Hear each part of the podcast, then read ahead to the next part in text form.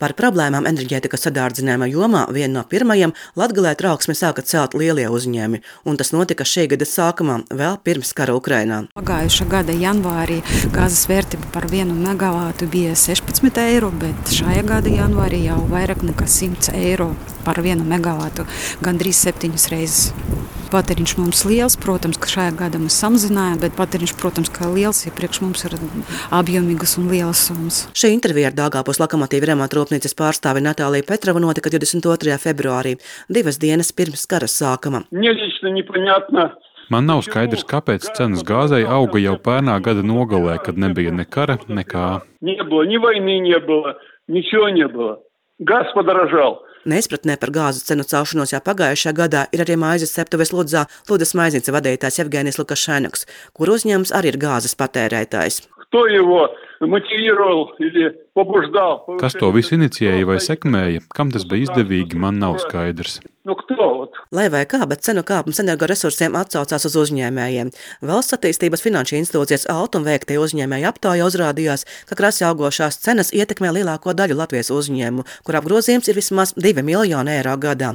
Un visvairāk to izjutuši tieši uzņēmumi Latgalē, atzīst Altum valdes priekšsēdētājs Rēnis Bērziņš. ir vairāk apjautāti tie uzņēmumi, kuriem tomēr tas apgrozījums ir mērāms miljonos, un tad to, ko mēs redzam, ka tas energoresursu cenu kāpums būtiski ietekmēs vairāk nekā divas trešdaļas Latvijas uzņēmēju, jeb 68%. Un arī Latgalē tas nav izņēmums, un šo tendenci ir apstiprinājuši arī Latgales uzņēmēji. Latgalē visi 100% no aptaujātiem uzņēmumiem ar apgrozījumu miljonos eiro atzinuši energoresursu cenu kāpums tos ietekmē. Сегодня составляющая газа, она уже существенно играет роль в себестоимости продукции. Gāzes cenai ir svarīga loma produkcijas pašizmaksā. Mūsu uzņēmuma gadījumā tikai energoresursi vien to kāpināja minimums par 10%. Минимум на 10%, минимум на 10%. Tā saka Ludzas maiznīca vadītājs Evgenijs Lukašēnoks, kur uzņēmuma ražošana ir tieši atkarīga no gāzes. Но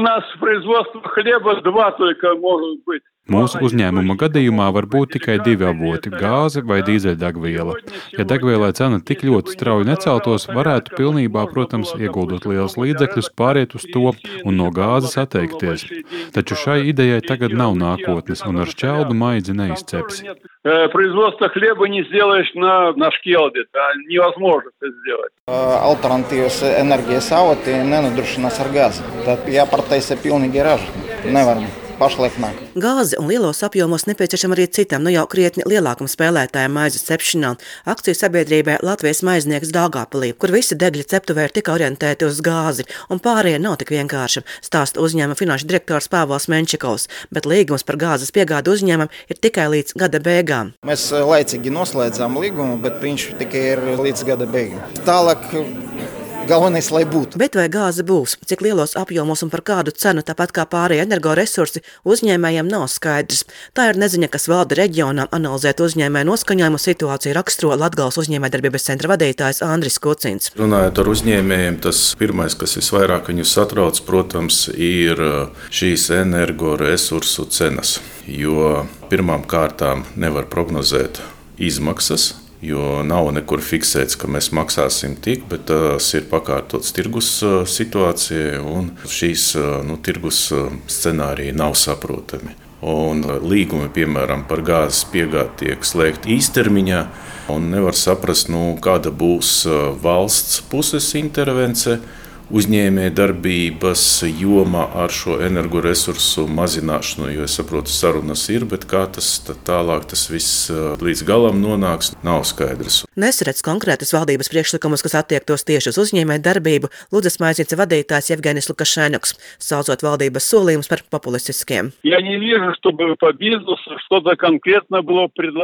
Es nedzirdu konkrētus priekšlikumus, piemēram, par to, kā kompensēt gāzes un elektrības cenu kāpumu uzņēmumiem. Я вижу популистские там какие-то политико предложения. Vēl viena joma, kas aktuāli tieši uzņēmējiem Latgalē, ir izēvielu trūkums un ierasto tirgu zaudēšana. To izjūt arī tādi uzņēmumi, kas darbojas Reizeknes speciāla ekonomiskajā zonā, stāsta pārvaldniece Krista Freiberga. Uz doto brīdi mūsu zonā darbojas 20 uzņēmumi. Tas pirmais trieciens mums bija kara sākums, kura rezultātā daļai no mūsu uzņēmumiem, kuriem nu, bija arī liela daļa eksporta tieši uz austrumu pusi, misija uz Krieviju un Baltkrieviju, protams, ka dažādas šīs piegāžu ķēdes pirmkārt nobloķējās, tad, tad tas skar izēvielas. Otrām kārtām, protams, ka nu, tas faktors ir ne tikai izēvielas, bet arī klienti un eksports. Mums bija daži uzņēmumi, kuri gandrīz 90% eksportēja uz šīm te valstīm, un, protams, ka šajā gadījumā arī visa šī te eksporta ķēde apstājās. Komentēt situāciju publiskajā telpā paši uzņēmēji atsakās.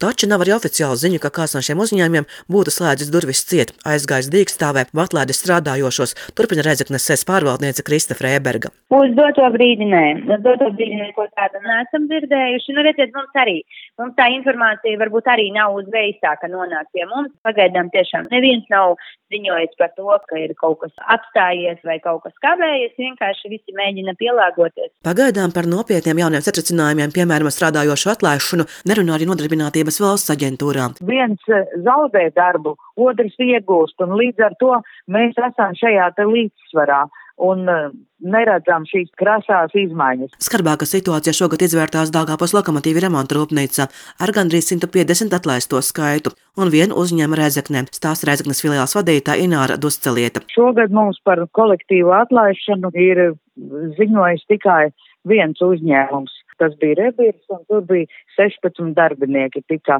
samazināti no 55. Protams, ka tas viss ir saistībā ar šo te pasaules politisko situāciju un finanšu sakām ar notiekošo kara darbību Ukrainā un, nu, domājot par to, lai nenonāktu noteikti maksāt nespējas stāvoklī. Taču kopumā bezdarba cipari te mazinās. Šī gada janvārī Reizeknē bija reģistrēti 4660 bezdarbnieki. Tad šobrīd Reizeknas filiālē ir reģistrēti 4150. Nu, tas ir par 500 mazāk. Pieredze gan rāda, ka rudens ziemas pusēm bezdarba līmenis atkal aug, un šis laiks arī būs pārbaudījums Latgals uzņēmumiem, pielāgotos inflācijas apstākļiem, saka Latgals uzņēmējdarbības centra vadītājs Andris Kucins. Kopumā nu, uzņēmējiem jau arī ir jāprot savu gala produktu pakalpojumu pielāgot ne tikai tirgus prasībām cik iekšā ir nu, šī pirktspēja, bet arī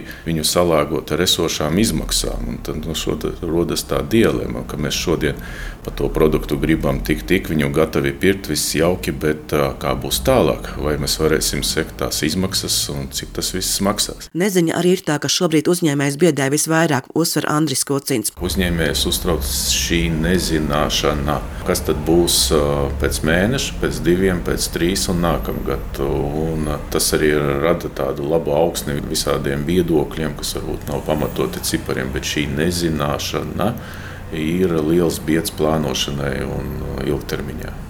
Tas attiecas gan uz pieredzējušiem uzņēmumiem ar labu apgrozījumu un noieta tirgu, gan tādiem, kas riskē. Šobrīd meklē un atrod jaunas noieta tirgus un izējuma materiālu iegādes vietas. Arī tādi uzņēmumi Latgalē ir, un ir arī tādi lielie, kas tuvāko divu gadu laikā plāno investēt un radīt jaunas darba vietas, saka NVA Reizeknas filiāles vadītāja Ināra Dusceliete. Kaut vai, piemēram, runājot par Latvijas Finiera uzņēmumu sesijā Verēms paplašināšanās projektu Reizeknes novadā, kur paredzētais investīcija apjoms pārsniedz pat 67 miljonus eiro. Nu, laikam tas būs vērtējums kā pēdējo gadu lielākais privātais kapitāla ieguldījums Latgales reģionā un no jauna nāks 70 jaunas darba vietas. Uzņēmumiem ir nepieciešama enerģētiskā drošība un pieejamība, lai varētu plānot un attīstīties. Taču visdrīzāk, kā neoficiāli norāda paši uzņēmēji, lielāka skaidrība par reālo nākotni kļūst zināma tikai pēc notikušajām saimas vēlēšanām un kad kļūst zināms jaunās valdības sastāvs. Silvija Smagra, Latvijas radio studijā Latgalē.